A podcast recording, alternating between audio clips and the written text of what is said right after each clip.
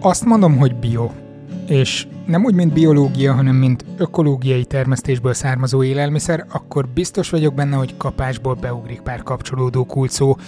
Nem tudom, hogy pontosan mi. Lehet, hogy van akinek az, hogy egészséges, másnak az, hogy fenntarthatóság, vagy csak az, hogy há, túlárazott marketing bullshit, meg hogy nagyanyám se permetezett soha, és mégse hívta biónak.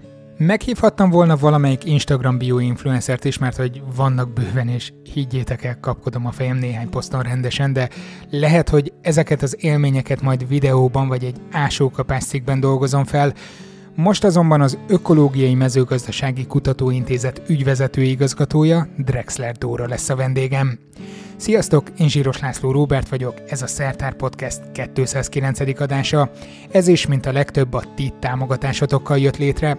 Ha még nem tettétek és hozzájárulnátok a Szertár működési költségeihez, a patreon.com per Szertár oldalon tehetitek meg, amiért nagyon hálás vagyok. Köszönöm. Mielőtt a mai témánkba belevágunk, jöjjön egy kis ajánló, elég bizarr címe van.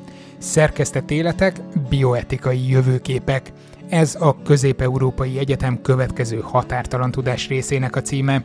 Február 25-én csütörtökön, mondjuk ez holnap van, 17 órától élőben követhetitek majd a műsort YouTube-on. Az előadók Sándor Judit, a CEU bioetikai és jogi központjának igazgatója, az UNESCO bioetikai részlegének volt vezetője, és ha emlékeztek, vele beszélgettünk már itt a podcastben is bioetikai kérdésekről. Másik előadó még Dinnyés András, a Szegedi Tudományegyetem tanára, illetve Kakuk Péter bioetikus, ő is a CEU bioetikai és jogi központjának a kutatója.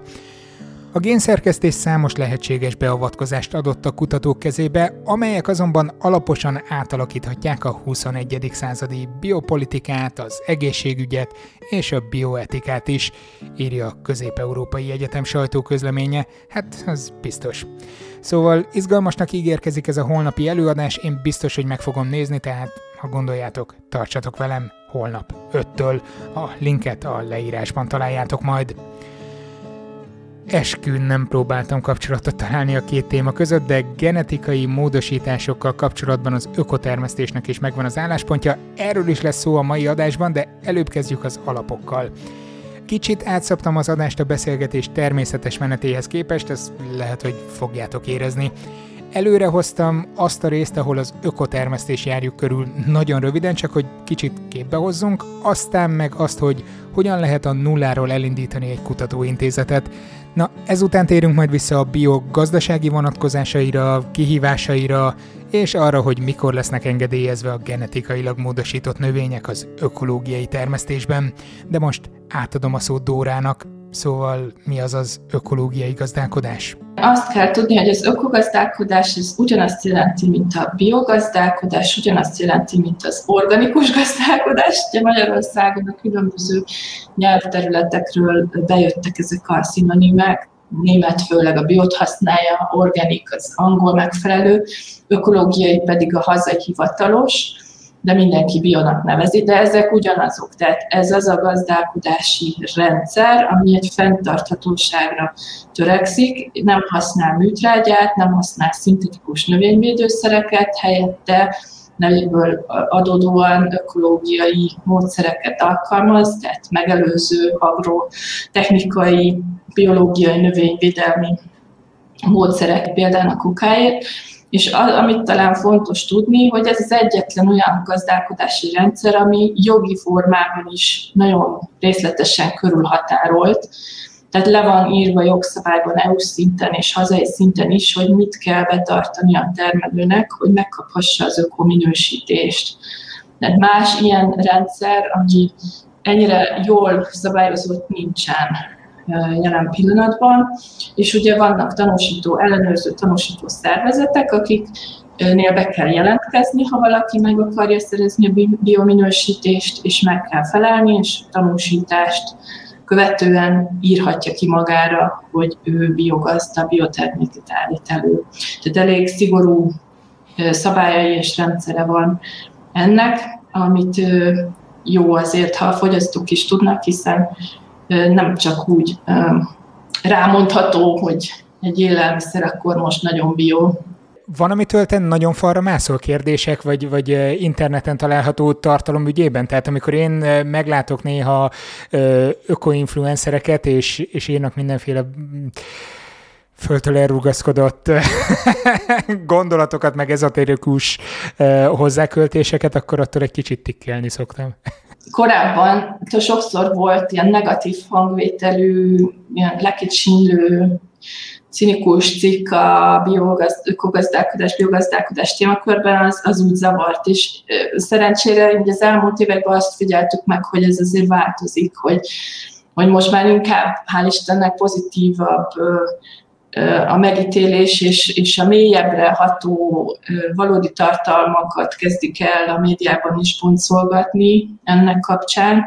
Tehát, hogy ez a változás, ez nagyon pozitív. Ami engem zavar, az például az, hogy ugye, mint az előbb elmondtam, hogy, hogy az élelmiszerek terén ez nagyon jól körülírt, hogy mit nevezhetek bionak, de ha egy KFT-t akarok elnevezni biotojás KFT-nek, vagy pedig egy hajszalont, ugye, vagy egy matracot, vagy egy papucsot bionak, akkor ott már ez a szabályozás nincsen meg, és, és ugye ezt keveri össze az embereket szerintem, hogy, hogy jaj, persze, ez egy ilyen marketing fogás, mert az, hogy akkor biopapucs, mi a francia bio, az a papucs, tehát hogy így ez, ez tud zavarni, hogy, hogy ezt ugye kihasználják úgymond más területeken, adott esetben alaptalanul. Tehát ha 16 évesen ültünk volna le beszélgetni, akkor mit mondtál volna, hogy mi szeretnél lenni, ha nagy leszel?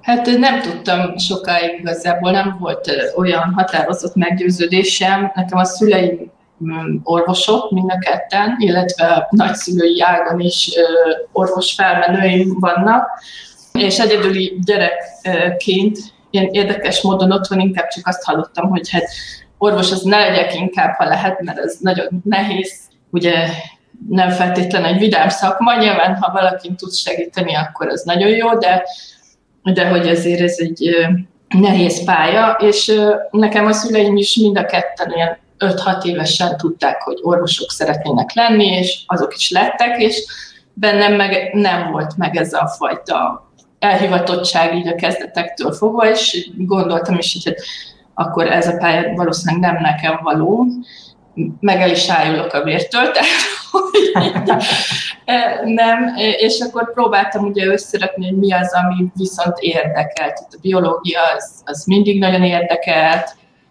érdekeltek a, a kreatívabb, ö, alkotóibb ö, vonalak is, létrehozni valamit, megtervezni, és akkor tulajdonképpen így raktam össze a, a, a gimnázium végére, hogy, hogy akkor van ez a tájépítész mérnöki kar, bár, bármit is jelentse. Pont ugyanígy voltam, amikor kertészetire jelentkeztem, hogy bármi is legyen, ott megyek oda. Igen, és akkor hát voltak érdekes visszajelzések, tehát osztályfőnöktől, hogy akkor hát, hogy miért a kertészeti egyetemre, mert nem akkora a presztízse, mint mit tudom én ugye más egyetemeknek, de, de bennem tehát nem, nem igazán érdekeltek ezek a dolgok, hanem inkább az, hogy hogy akkor engem ezek a témák izgatnak. És aztán persze az egyetem alatt kiderült, hogy nem is az a tájépítészet, van a kerttervezési része, van a nagyobb léptékű tájtervezés, területrendezés, és akkor tulajdonképpen én ennél a tájtervezési szakirányon végeztem, közben pedig kimentem ösztöndíjjal Németországban. Én voltam, ha jól tudom, akkor az első, aki egy teljes ilyen tanévet DAD ösztöndíjjal karról kint töltött Münchenben, és annyira tanácstalanok voltak a dékáni hivatalban, akkor még ugye annyira új volt ez a dolog, hogy, hogy aztán el is fogadták az évemet, mert ugye megpróbáltam úgy összeválogatni, ugyanazokból, vagy hát hasonló tartalmú tantárgyakból vizsgázzak, és akkor végül is... Ez még a kreditrendszer bevezetése előtt volt, vagy akkoriban volt, tehát így... Hát igen, ilyen, ú, már nem is tudom, 2000-es évek eleje, igen, igen.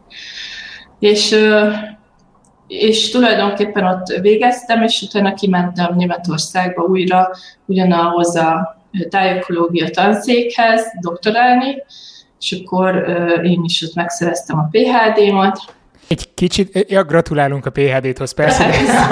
egy kicsit megvilágított, kicsit megkéstem.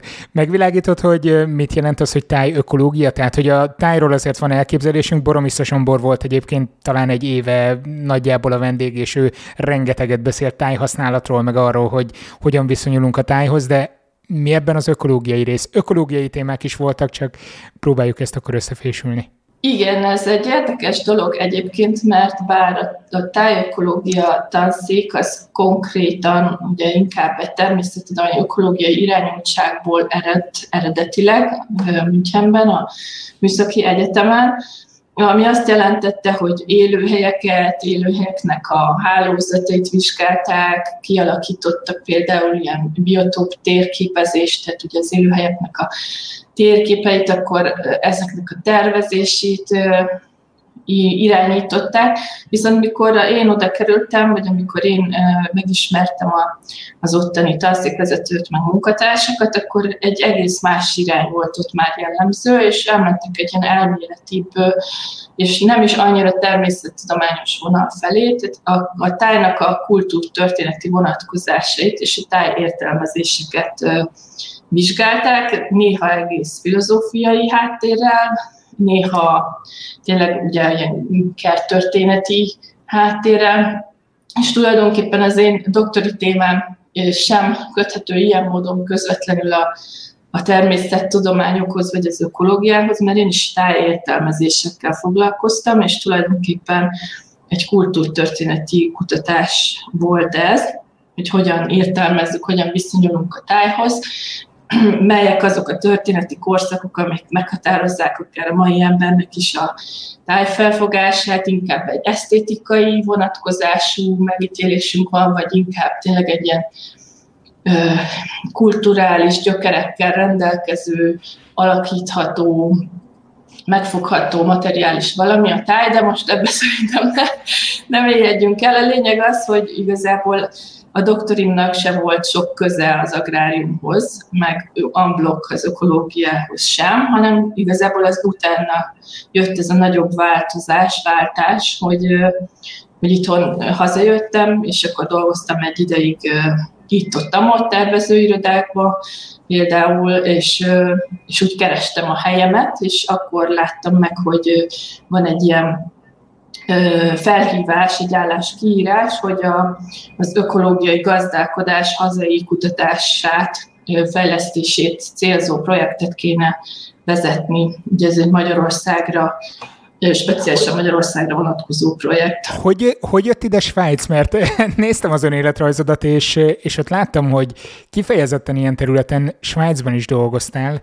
Én azt gondoltam, hogy akkor valahogy München után odasodródtál, aztán utána jöttél haza, és meghonosítottad itthon a ökológiai szemléletű kutatásokat. Igen, fordítva volt.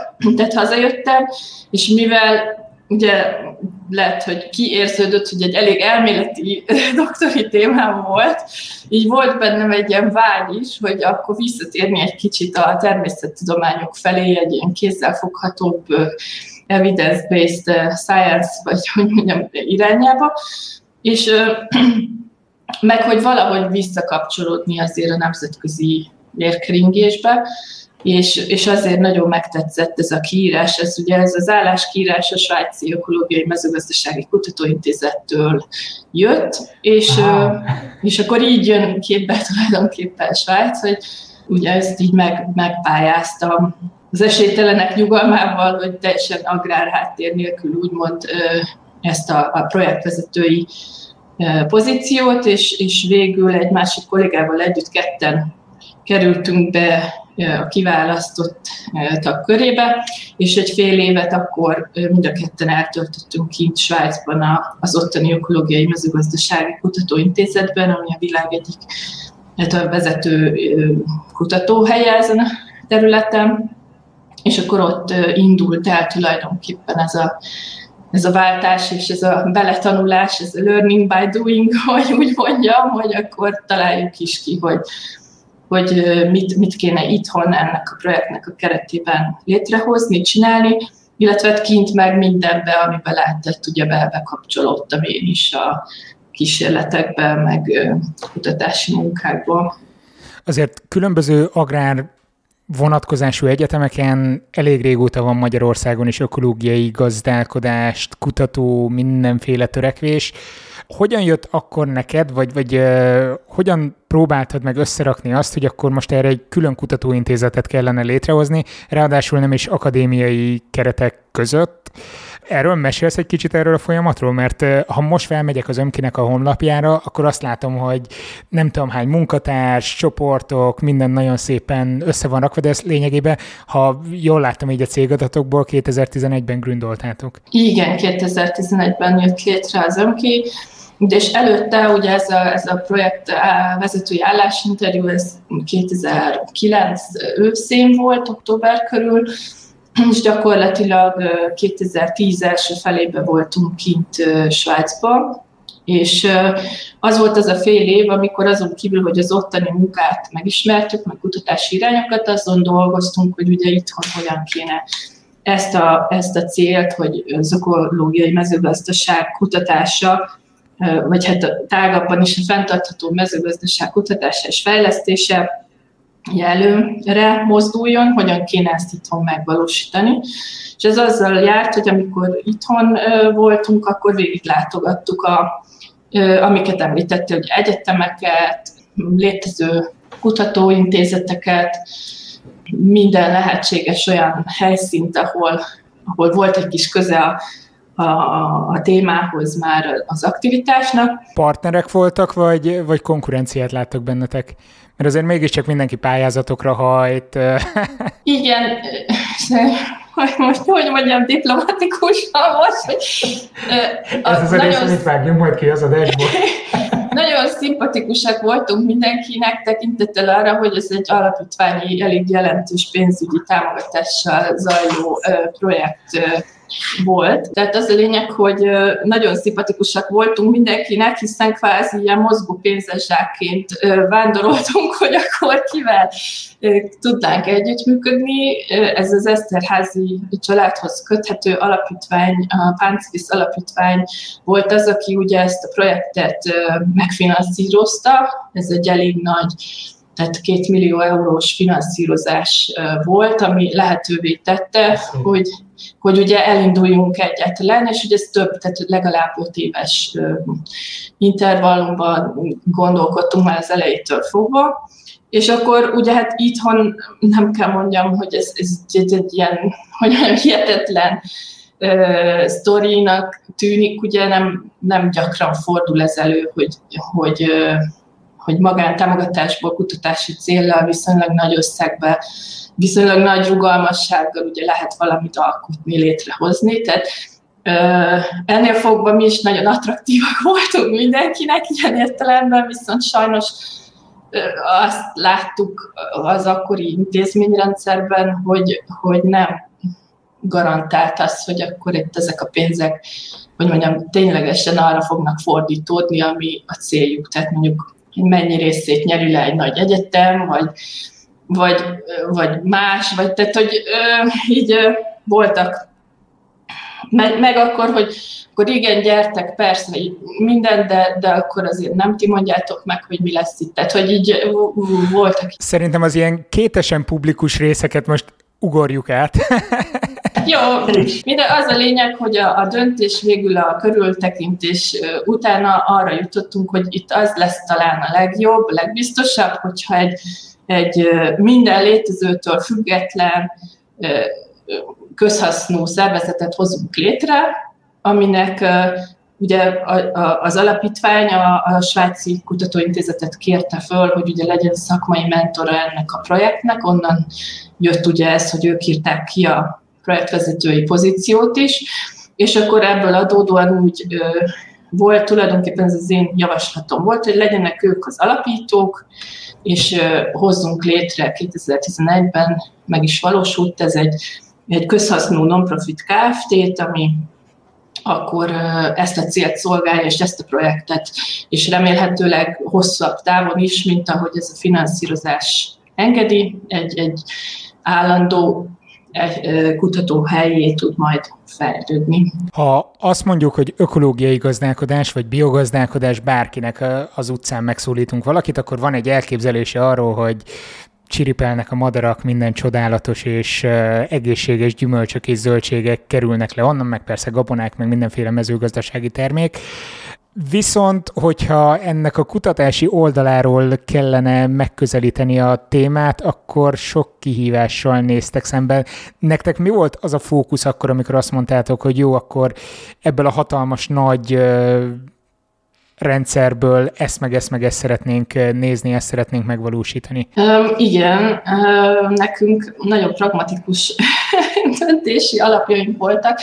Például az, hogy ugye nem volt saját területünk, nem voltak saját eszközeink, nem volt azért ez az összeg, bár nagynak tűnik, de nem olyan hatalmas, hogy akkor egy ilyen kutatóközpontot mondjuk létrehozzon belőle valaki. Úgyhogy azt néztük meg, hogy ugye példaképpen a svájci intézetben, vagy a német-osztrák hasonló kutatóhelyeken hogyan dolgoznak, és a, az egyik kulcs eszközük az úgynevezett on-farm hálózat volt, ami abból áll, hogy a gazdálkodókkal együtt végeznek kutatást, tehát olyan kísérleteket állítanak be, ami a gazdálkodónál megvalósítható, konkrét gyakorlati célja van, amit együtt a termelőkkel fogalmaznak meg, és ugye gyakorlatilag ez egy ilyen win-win rendszerben működik, hogy Nyilván önkéntesen részt vesz benne a gazda is, de, de tudja, hogy ez neki valami hasznosat fog hozni, és azt a tudást, azt a plusz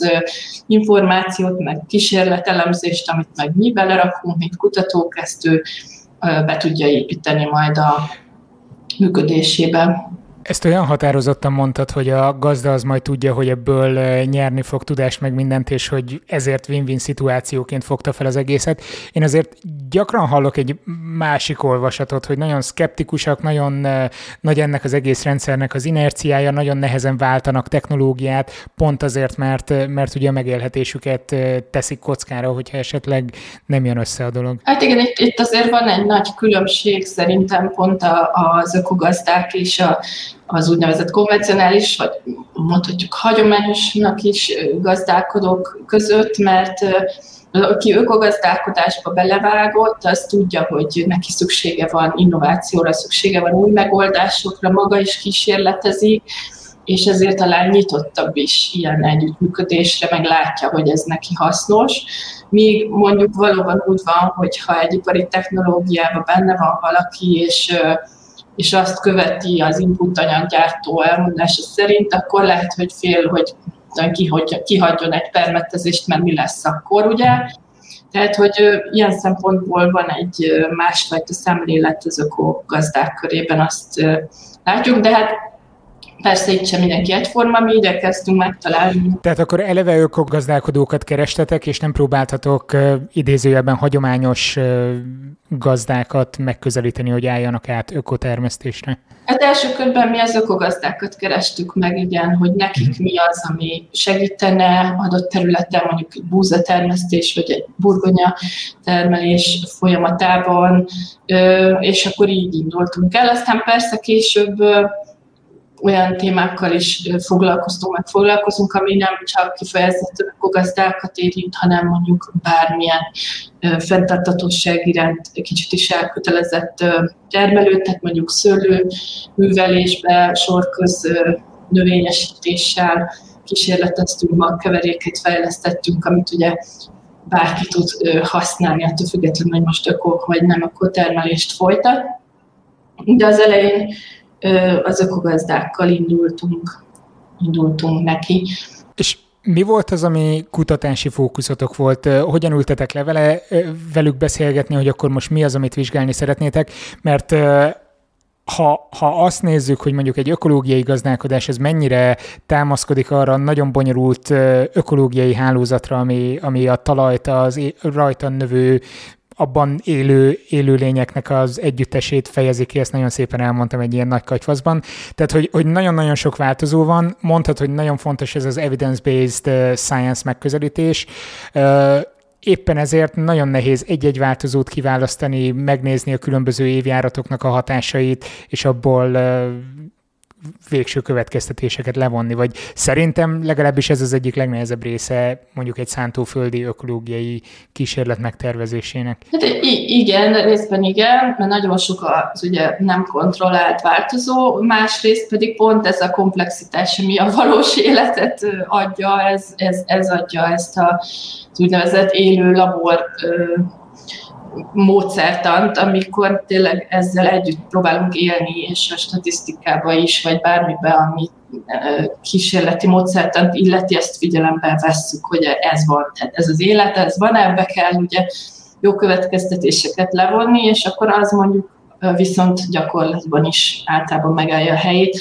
De egy konkrétan ugye, hogy mivel kezdtünk el foglalkozni, hát azt gondoltuk, hogy gabona termesztés az ugye egész Magyarországot tekintve is fontos része az agráriumnak, a biónak is ugyanígy, és akkor nézzük meg először azt.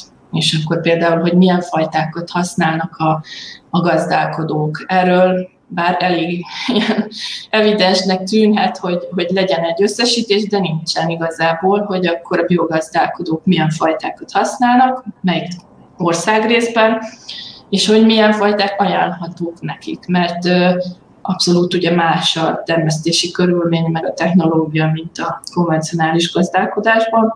És akkor például ez volt az egyik téma, amivel elindultunk, hogy a termelő partnereink, akiket ez érdekelt, állítsanak be egyszerű kísérleteket, sávosan vessék el a különböző fajtákat, amit mi adunk neki, és abból ő válogathat, hogy most ötöt szeretne, vagy tizet kipróbálni, mindegy. Honnan szereztek fajtákat? Megkerestük ugye a hazai nemesítő házakat, Martonvásár, Szeged, Karcak, stb. Tehát akik ugye itthon kapod a nemesítéssel foglalkoznak, illetve később megkerestük azokat az ökonemesítő házakat, akik általában nem Magyarországon vannak, hanem Ausztria, Németország, tehát, és akkor próbáltuk ugye a, így a klimatikusan jobban hozzánk illő, mondjuk burgenlandi nemesítésű fajtákat bevonni, de azok meg kifejezetten már ökókörülményekre nemesített, vagy ökókörülmények között is jó teljesítményt mutató fajták voltak. És akkor mellé raktunk nyilván kipásztotva egy standardot, mindig mellette volt a gazdának az úgymond bevált fajtája is, és elkezdtük ezt így nézni nagyon egyszerű kísérletbeállításban, hogy akkor mondjuk tíz helyszínen az országban melyik fajta, hogy állja meg a helyét, ugye kórokozók, kártevők, gyomnyomás, termésmennyiség, minőség, tehát ilyen alapparaméterek szerint. Azt egy kicsit azok kedvéért, akik nem agrárvénával rendelkeznek, vagy nem, nem mentek át ezen az agrárosulási folyamaton, mint ami mi mondjuk, hogy elképesztő, hogy mekkora termés kiesést tud okozni különböző kórokozóknak, kártevőknek vagy gyomnövényeknek a megléte, tehát hogy jól számszerűsíthető, hogy hány tonna vagy, vagy akár millió forint kieséseket okozhat. Igen, és akkor például ugye van, érdekes volt az első években, hogy a hazai nemesítő házakban is, bár azért foglalkoztak öko, ökogazdálkodással, de mégis, amikor ajánlották a fajtákat, hogy na ezt tegyük be a kísérletbe, akkor megvoltak ezek a rögzült prekoncepciók, hogy, hogy hú, hát akkor biztos a, a fuzárium gomba lesz a nagy probléma, az ugye az egy toxintermelésre képes penészgomba, ami veszélyes ugye az állatok, az ember számára is, hogyha a toxin a szervezetbe kerül, mert hogy ugye ökogazdálkodásban nem lehet szintetikus fungicideket, gombaölőszereket használni, és akkor hát biztos tele van minden mikotoxinnal, és akkor ez volt például az a paraméter, amit figyelembe vettek. Ez ellen például hogy tudjátok felvenni, ez nagyon érdekel, mint ex kortanos. Ugye arról van szó, hogy a kalász megfertő, vagy több részt is, de a kalásznál igazán fontos, hogy megfertőzi az a fuzárium nevű gomba, ö, hagyományos termesztésben ugye lehet ellene védekezni, tehát a gombát jól vissza tudjuk szorítani, kevés toxin fog bejutni aztán a lisztbe, meg a műzlibe, meg a nem tudom hova. Ökológiai gazdálkodásban pedig tényleg ezt szokták felvetni legtöbbször, hogy, hogy ott fennáll annak a veszélye, hogy mindenféle gombatoxinokkal lesz tele adott esetben a, a végtermék, és azt kell higítani, meg megkevergetni mindenféle másra, hogy határérték alá vigyük ezeket. Igen, de igen, ezt aztán kihagytuk itt a kurikulumból, hogy én is így a lelkiismeret furdalás sokáig még utólag a PHD után elvégeztem a növényorvosi és akkor igazából... A Villányi úton? Nem, Gödöllőn egyébként levelező, még akkor volt levelező mert a munka mellett ezt úgy, úgy tudtam megoldani, és, és tehát nagyon korrektül például ott meg is tanultuk, hogy a fuzárium fertőzés, mint olyan, manapság ugye a, a gabona termesztő kréme, és a leg, leg, az első helyen álló ugye, kórokozós probléma generáló szervezet, de a 70-es évek előtt ez nem így volt.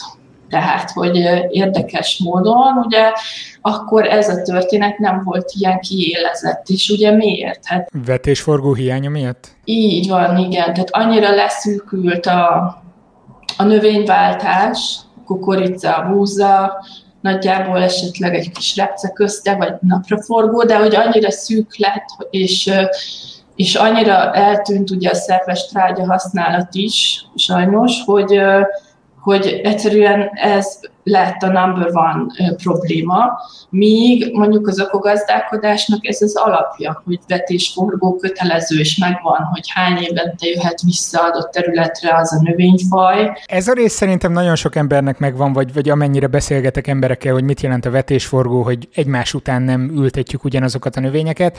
Ez elméletben nagyon-nagyon szépen tud működni. Most bedobok egy, egy olyan témát, amire őszintén kíváncsi vagyok, hogy ezt hogy tudjátok átidalni. Tök jó, hogy búza ne kerüljön önmaga után, vessünk utána, nem tudom, megvan a megfelelő sor. De mondjuk kalászos gabonák után lényegében bármit. Na mindegy, szóval... Viszont búzából sokkal nagyobb igényünk van, hát nem tudom, az egyik leg, legnagyobb exportcikkünk, agrár exportcikkünk lényegében. Folyamatosan kell lényegében ezt termelnünk, míg más növényekből, amik utána következhetnének, jóval kisebb az igény. Tehát ezt a gazdasági kérdést hogyan lehet akkor áthidalni, hogy jó, hát az idén nem búzázunk? Hát ugye ez, ez egy olyan kérdés, hogy meg kell nézni, hogy mi a fontosabb nyilván, meg hogy a gazdálkodónak is hogyan éri meg, de a, azt kell tudni, hogy azért több mint 20 millió emberre való nyers ö, szemes terményt állítunk elő egy évben, tehát hogy nagyon-nagyon nagy része megy exportra nyers termékként, feldolgozatlan termékként, konvencionális termékként, világpiaci árakkal versenyezve. És akkor ugye ezt kell egy kicsit átgondolni, miközben ugye a mellékhatásként nem számolódik oda a talajdegradáció, a vegyszerhasználat, a környezeti ártalom, tehát hogy ugye ezekkel nem számolunk. És akkor cserébe van egy alternatíva, ami azt mondja, hogy gyerekek, figyelj, nem lesz ebből 20 millió főre való termény, lehet, hogy csak 15 millió főre való termény lesz, de mondjuk cserébe nem használunk annyi fungicidet, nem szennyezzük el nitrogénnel a talajvizeket, műtrágyából építjük a humuszt vissza, vegyszermentes, szermaradékmentes terményt állítunk elő, amit ráadásul drágábban tudunk eladni, mert az exportpiacoknak erre extra igényei vannak, és sokkal magasabbak az értékesítési árak. Meg azért az árba gondolom az is beletartozik, hogy kisebb lesz a termésmennyiség, bele kell kalkulálni eleve a veszteségeket, nem? Tehát, hogy ez nem, nem szerepel benne? De persze, de hogy egy prémium áron tudom eladni igazából, ez, ez, ez, ez talán a, a lényeg, hogy hiába van kevesebb, a, a bevételem több lesz belőle. Tehát, és, és nem biztos, hogy versenyeznem kell a világ másik feléből érkező ö, konténerben az óceánon szállított búzával, mert hogy az is ugyanaz a tőzsdei áru, ö, mint amit én állítok elő. Tehát, hogy ö, itt ezt a közgazdasági vonalat én nem látom olyan borúsan, mint, mint hogy sokszor ezt is talán hasonlóképpen a fuzárium bombás argumentációhoz ilyen dogmatikus jelleggel ismételgetjük, hogy mert a bió drága, keveset terem nem éri meg, tehát ez, ez kb. ugyanaz, mert fuzáriumos, mert nincs fungicid, mert izé, de hogyha visszakanyarodhatok még az előzőhöz, akkor, akkor, akkor ugye az derült ki az első évek után, hogy, hogy megmutatkozott, hogy, hogy nem ez a fő probléma, és, és az is megmutatkozott, hogy a fajta tesztekben legtöbbször a gazdálkodóknak a bevált fajtája lett a legjobb, ahhoz képest, amit ugye alnemesítő házakban gondoltak, hogy majd jó lesz. Sőt, ugye, amikor bevontuk az ökora nemesített, vagy öko körülmények között te- tesztelt és jól szereplő osztrák fajtákat, akkor meg kiemelkedtek a mezőnyből. Tehát egyértelművé vált, hogy hogy itt azért nem... A magyar, magyar hagyományos, vagy a gazdák által hagyományosan használt Igen, tehát hogy nem véletlen szelektálnak ökokörülmények között, nem véletlen az, hogy ott tesztelik a fajtákat, és aztán azokat ajánlják. Ez ugye nekünk is ez a célunk, és most már behaladtunk szerencsére jócskán előre, hogy tudjunk ilyen ajánlásokat tenni megalapozottan. És ugye ez a visszacsatolás a nemesítőházak felé, a vetőmagforgalmazók felé, és persze a gazda felé is, hogy na figyelj, akkor, akkor ezt érdemes nálad, illetve hogy ezekre figyeljetek oda, hogyha ö, ugyanolyan jó eredményű fajtát szeretnétek, mint itt a legjobb volt a nemesítők esetében. Ez ugye egy folyamat, és hál' Istennek, ugye ezt 2012-ben kezdtük el, és ma tavaly indultunk el úgy egy nagy együttműködésben már a hazai nemesítő házakkal, a Nébicher, ugye, aki a hatóság a fajta vizsgálatokban, hogy, hogy úgymond ez institucionalizálódott, vagy intézményesedett, hogy lesz le ökófajta teszt kisparcellás körülmények között is, és októberben el is lett vetve hét helyszínen, tehát most már úgymond nem csak a mi alulról jövő kezdeményezésünk van, hogy egy gazdák önkéntes részvételével ilyen, hogy mondjam, üzemi kísérletekből tájékozódunk, hanem eljutottunk oda, hogy már ugyanazzal a módszertannal, mint a hatóság is, kis parcellában is hivatalos ökofajta tesztek léteznek Magyarországon is, és, és ugye ezt, ezt elismeri úgymond a szakma is, meg mindenki részt vesz benne, aki benne van, és nem ilyen legyintés van, hogy jó lesz azoknak ez is, vagy. Viszont amit az ismerősöktől szoktam hallani, leginkább olyanoktól, akik ajánlanak titeket, hogy nem tudom, ismerlek-e titeket, vagy hallottam-e rólatok, mondom igen, az nem a búza szokott lenni általában, hanem a paradicsom. Ja, Mikor gondoltatok arra, hogy, hogy a nagy közönség felé kellene nyitni, mert szerintem az a promó, amit csináltok, akár az ökológiai, vagy, vagy akár a tájfajtáknak, akár a szemléletmódnak, az, az egyedülálló Magyarországon. Ja, hát köszönjük szépen. Igazából ez is egy régi történet, ez is a kezdetekre 2012-re visz vissza, amikor még például pont az emlegetett alapítványi támogatás kapcsán PHD hallgatóknak mi ösztöndíjat hirdettünk meg, és akkor arra lehetett öko témákkal pályázni, és akkor a, a Vilányi úti kampuszról, például a Csambalik László kolléga, ő, ő akkor kezdte meg a PHD-et, és ő neki volt ez a témája a tájfajta paradicsomoknak a, a vizsgálata ott a Soroksári Okó kísérleti telephelyen.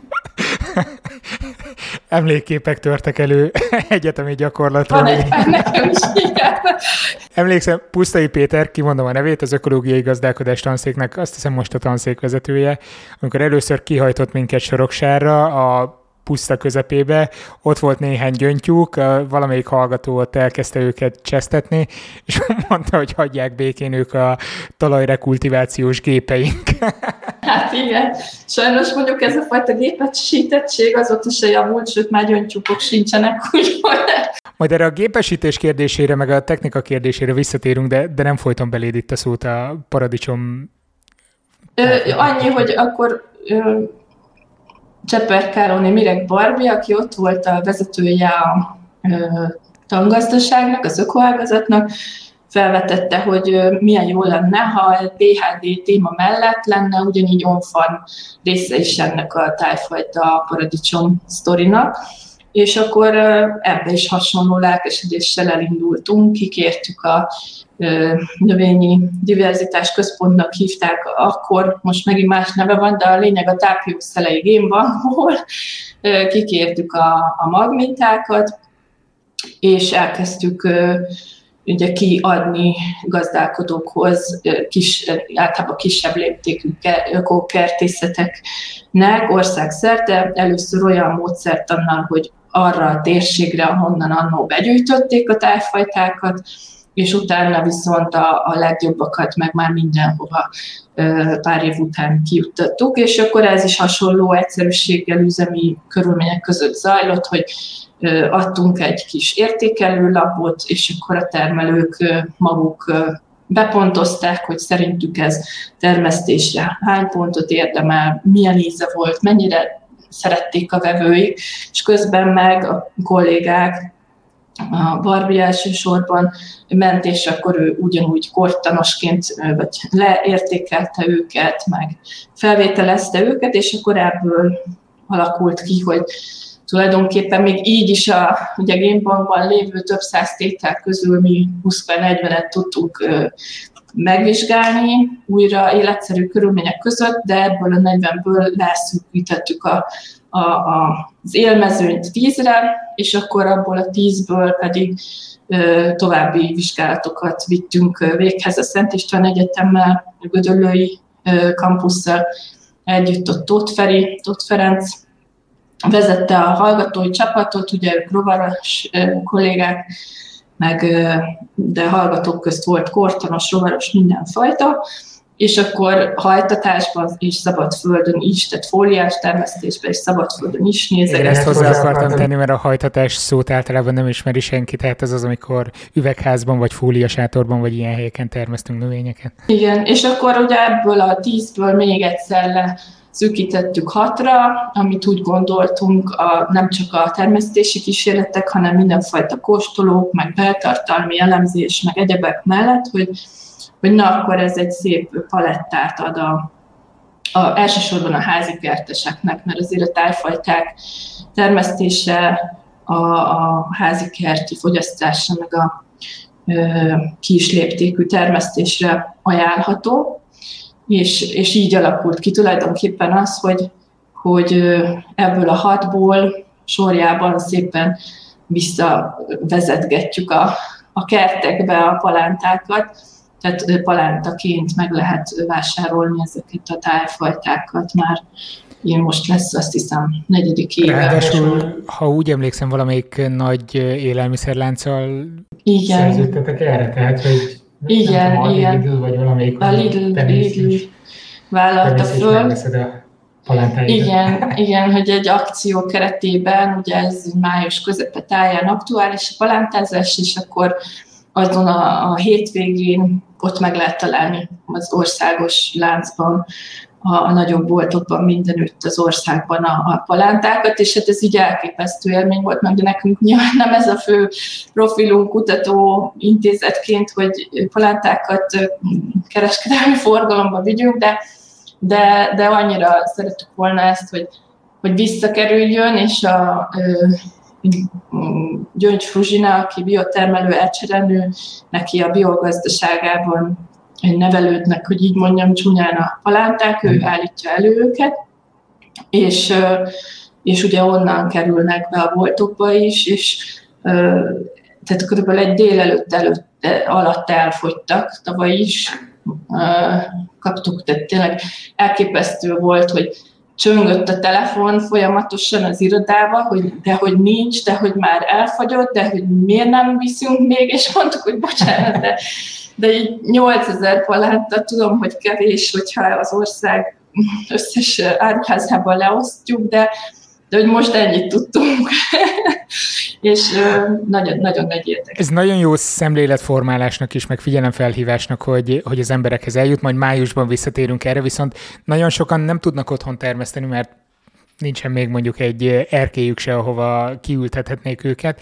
Viszont az ökológiai termékek iránt lehet, hogy lenne kereslet, viszont ezt visszafogja az, amiről már beszéltünk korábban, az az, hogy elég magas áron értékesíthetők, és kerülnek is értékesítésre.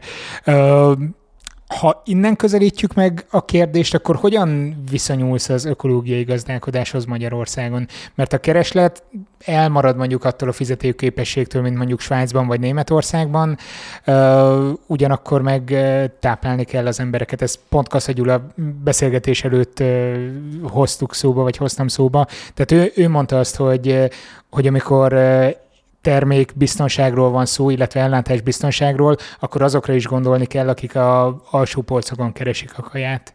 Persze, tehát, hogy itt, itt egy fejlődési pályát kell látni szerintem a hazai öko termesztésben, és ugye most ott tartunk, hogy hogy van az emlegetett exportpiac, amire megy ki a nyersárunak 80-90 százaléka, prémium áron ahhoz képest, hogy a nyersáron piaca ugye mit mutat.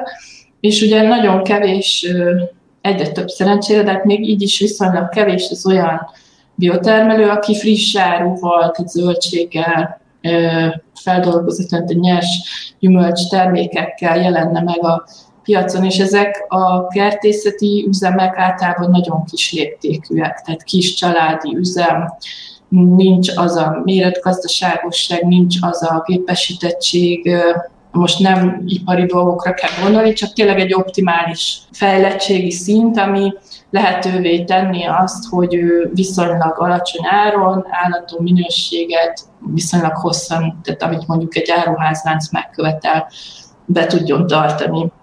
És ebből adódik az, hogy más értékesítési csatornákon zajlik ezeknek a friss terményeknek a, az átvétele, például ugye biopiacon, vagy kosárközösségekben, ugye ez a ö, társadalmi ö, vonala is, vonatkozása is van ennek, hogy ugye szolidáris gazdálkodás, ugye megveszem tőle, ami minden héten terem függetlenül attól, hogy nem én választhatom ki, hogy most répa lesz benne több vagy paradicsom, de ezzel segítem az ő gazdaságát, családját és a fenntartató művelést, amit folytat. Tehát, hogy ezek a kezdeményezések, hál' Istennek egyre szaporodnak, ugyanakkor még nem jutottunk el ugye arra a szintre, hogy ez egy tágabb közönséghez is elérhetővé váljon, hiszen itt azért egy ilyen közösség által támogatott vagy szolidáris gazdálkodásnak a, az elképzése az azért magas, tehát jóval többet fizetek, mint ha az alsó polcon vagy a, a Lady Gáróba gondolkoznék. Tehát még nem tartunk ott, de látszik a fejlődés, és látszik az, hogy mondjuk nyugat-európai országokban ez hogy alakul, és elérte azt a szintet, amikor már ugye a keresleti oldal is kibővül, és nem, hogy úgy mondjam, ez a most csúnya szóval lefölözéses piacban, mint jelenleg, hogy ugye van az, aki megfizeti, és akkor neki el tudom adni azt a kevéset, ami van, hanem akkor ez egymást erősíti, hogy többen akarnak venni, többet termelek, nagyobbak az üzemméretek, és lejjebb megy az ár. Tehát, hogy ez a folyamat, ez azt mondom, itthon is meg fog valósulni, jó esetben, rossz esetben... De, de milyen mértékben most egy kicsit tágabb képet nézve, csak ne, nem kötözködök, csak ö, érdekel, hogy, hogy hogy látod ezt a helyzetet.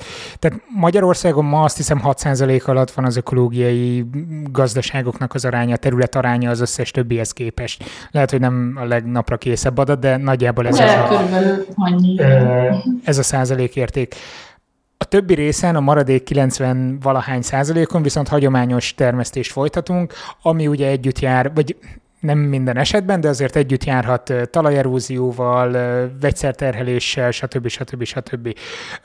Ugye kívánatos lenne ezt lejjebb csökkenteni, de hogyha nincsen meg az az igény, vagy, vagy keresleti igény arra, hogy növeljük az ökológiai területeknek az arányát jelentősen, akkor továbbra is ott tartunk, hogy, hogy marginális az, ahol, ahol oda tudunk figyelni arra, hogy hogyan élünk harmóniában a természettel. Én, én azt gondolom, hogy már itthon is látszik ez az igény növekedés, még nem olyan tempóban, mint Nyugat-Európában. Nyugat-Európában a biotermékek piaca évente olyan 10%-kal bővül, tehát az azért elég jelentősnek mondható. Mm. Jó, akkor is, hogyha önmagában mondjuk viszonylag belátható a piac, és annak a 10%-a bővül, akkor is ez a dinamika ezzel az agrárágazaton belül azért egy, egy nagyon jónak számít, vagy kiemelkedőnek számít, és mondjuk ilyen elrugaszkodott példákat, hogy most olvastam én is egyébként, hogy Kopenhágában a, a nyilvános menzák, tehát ez a public procurement néven futó dolog, hogy közétkeztetés 90% a bio. 90% a Kopenhágában, egész Dániában 60%-a. Tehát ez azt jelenti, hogy az iskolai, az óvodai, a bölcsödei, a kórházi, a igen, pont a kórházkaja jutott eszembe, hogy ezt elbírod képzelni Magyarországon a közeljövőben, hogy, eh, hogy ez a két répa darab, ami úszke zöldségleves címén egy kórházi vacsoránál, az majd biotermesztésből jön? Hát én nagyon bízom benne, hogy lesz ebben is előre mozdulás. Voltak egyébként ilyen kezdeményezések, korábban is ismerek én is ilyen vezető dietetikust kórházban dolgozott, aki megpróbálkozott ezzel a de ugye ez is egy ilyen folyamat, amire a termelőknek is fel kell készülni, mert ez már mennyiség, az tényleg oda kell rakni, nem az, hogy most nem tudom, nem termet meg, mert tehát, hogy e, ez egy ilyen kölcsönös fejlődés, és ezt kell azt gondolom nagyon erősen segíteni, nem csak egy oldalról, hogy mert hál' Istennek van támogatása az ökogazdálkodásnak, terület alapú támogatás, az egy nagyon fontos, nagyon jó dolog, hogy motiválja a gazdát, hogy térjen át, de technológiai támogatás, szakmai támogatás elengedhetetlen, hogy akkor föl tudja, tehát meg tudja ugrani azt a lécet, amit mondjuk egy ilyen lehetőség, ha, ha tényleg azt mondja egy kórház, azt mondja egy áruházlánc, hogy na gyerekek, bioterméket ide, akkor legyen, aki ezt be is szállítja. Tehát ez egy ilyen kölcsönös fejlődés, de azt mondom, hogy jó úton vagyunk, meg hát mi is ezt próbáljuk ugye segíteni szaktanácsadással, meg ismeretátadással, vagy akár a gazdáknak az egymással való összekapcsolásával, hogy, hogy ez minél flottabbul tudjon menni, minél jobb technológiák legyenek, minél kisebb termésvesztesség, stb. stb. Mi az, ami ami szerinted nagyon nagy kihívás egy biotermesztésben, és esetleg nem tudja megugrani, hogyha van ilyen növényvédelmi kérdésekre szoktam ilyenkor általában gondolni, hogy mondjuk ott van a xylella, egy olyan baktérium, ami terjed mindenütt Európában, az egyik legdurvább fákat károsító bakteriális fertőzés, amilyen egyszerűen nincsen védekezési mód. Ezzel hogyan tudná felvenni a versenyt mondjuk a biogazdálkodás. A, a hagyományos sem nagyon tudja, tehát hogy ezt hozzáteszem. Igen, tehát vannak olyan területek, ahol akár a konvencionális, akár a bio még nem szolgálhat megoldással, Ugye a, a különbséget inkább azok között, a problémák között szokták tenni, amire a kémiai növényvédelem már megadta úgymond a saját válaszát, a biológiai növényvédelem pedig egyelőre még nem annyira hatékony. De most így kutatóként szólva, nekünk ez pont ezért izgalmas. Mert hogy... Tök jó, nincs ellensze. Gazdák örülhetnek ennek. itt, itt lehet ugye fejleszteni, tehát itt, itt lehet új dolgokat kitalálni, létrehozni, technológiákat bevezetni, és egyéb iránt a nagy cégek is ugye egyre inkább, hogy rá vannak szorítva, hogy nem a kémiai növényvédelem felől közelítsenek, ha ugye ilyen növényvédőszer kivonásokra gondolunk, vagy, vagy amblok az EU-nak az ilyen 50%-os peszticid használat csökkentési célkitűzésére 2030-ig, tehát látszik, hogy, hogy, hogy ezért próbálnánk visszaszorítani a kémiai hatóanyagokat, kémiai növényvédelmet, amennyire lehet, és ez a piacot is a, az alternatívák keresésére felé vezérli, úgyhogy én ebben nagy potenciált látok, hogy új technológiák egyre másra jelennek meg. Nem merem kimondani azt a szitok szót.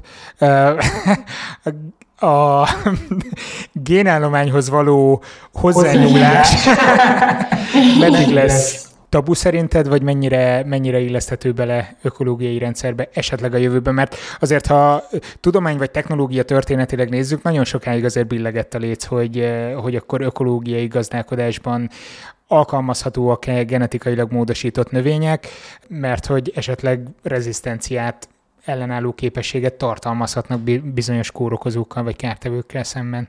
Uh-huh. Nem, abszolút nem alkalmazhatók, tehát hogy ebben az ágazat teljesen, teljesen egyértelműen letette a voksát, tehát nem csak, hogy génmódosított szervezetek nem alkalmazhatók, de még a közvetett, tehát a GMO egysejtűek által termelt anyagok se, tehát hogy úgy mondjam, ö, teljesen elzárkózik ettől az ökogazdálkodás. Ez nem jelenthet egy gátat akár a közel vagy közepesen közeljövőben mondjuk nagyobb aszályok jönnek, aszálytűrő növényeket, növények nemesítése sokkal gyorsabbá válhat? E, eddig nem látszik olyan kiugró eredmény se a, az elsőkörös, hogy úgy mondjam, GMO technológiából, se az újabb, ugye ez a CRISPR-Cas és társai génszerkesztés módszerből sem jött ki olyan, ami, a, a, ami úgymond ezt valóságban ezt a veszélyt megtestesítette volna. Ugye itt az elutasításnak az oka egyébként egyrészt az elővigyázatosság elve, a másrészt pedig egy inkább etikai, mint sem tudományos elv, hogy a sejt szint alatt van-e jogunk beavatkozni. Tehát, hogy a génállományban, az örökítő anyagban van-e jogunk beavatkozni, és ugye erre mondja azt az ökogazdálkodás etikai alapon, hogy nincs. Tehát olyan formában nincs, mint amit a génszerkesztés vagy a vagy a korábbi génpuskás technológiával belőtt, ugye. Az jó régen volt már. Igen, jó régen volt, tehát hogy a, nincsen ilyen jogunk, ezt vallja ugye az ökoágazat.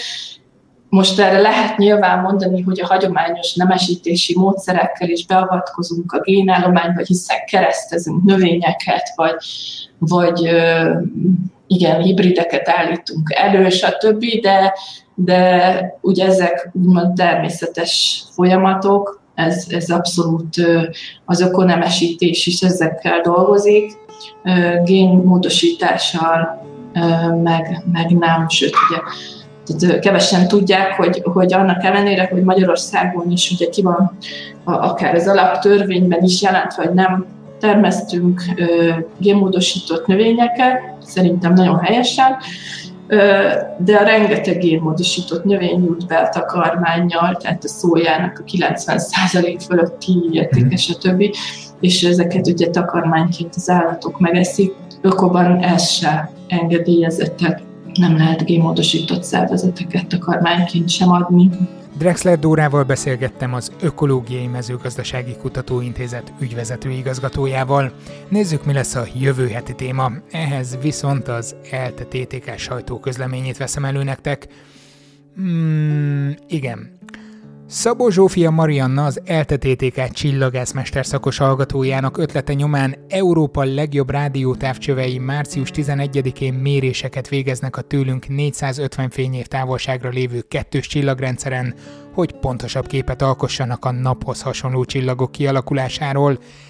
Egy ilyen kutatás önmagában is elég izgalmasan hangzik, de ha átsiklottatok volna fölötte, egy mesterszakos hallgató projektjéről van szó. A beszélgetést már felvettük, még nem vágtam meg, de írtó izgalmas lesz. Iratkozzatok fel a szertár.simplecast.com oldalon, Spotify-on vagy azon a podcast alkalmazáson, amit egyébként is szoktatok használni, és biztos, hogy nem fogtok lemaradni róla. Ha pedig támogatjátok a szertár tartalmakat, azért külön köszönet patreon.com per szertár. Napot nem merek mondani, hogy pontosan mikor lesz majd ez a következő adás, de jövő héten találkozunk. Addig is legyen szép hetetek, töltsetek minél több időt a természetben, tök jól indul ez a tavasz. Köszönöm a figyelmeteket, sziasztok!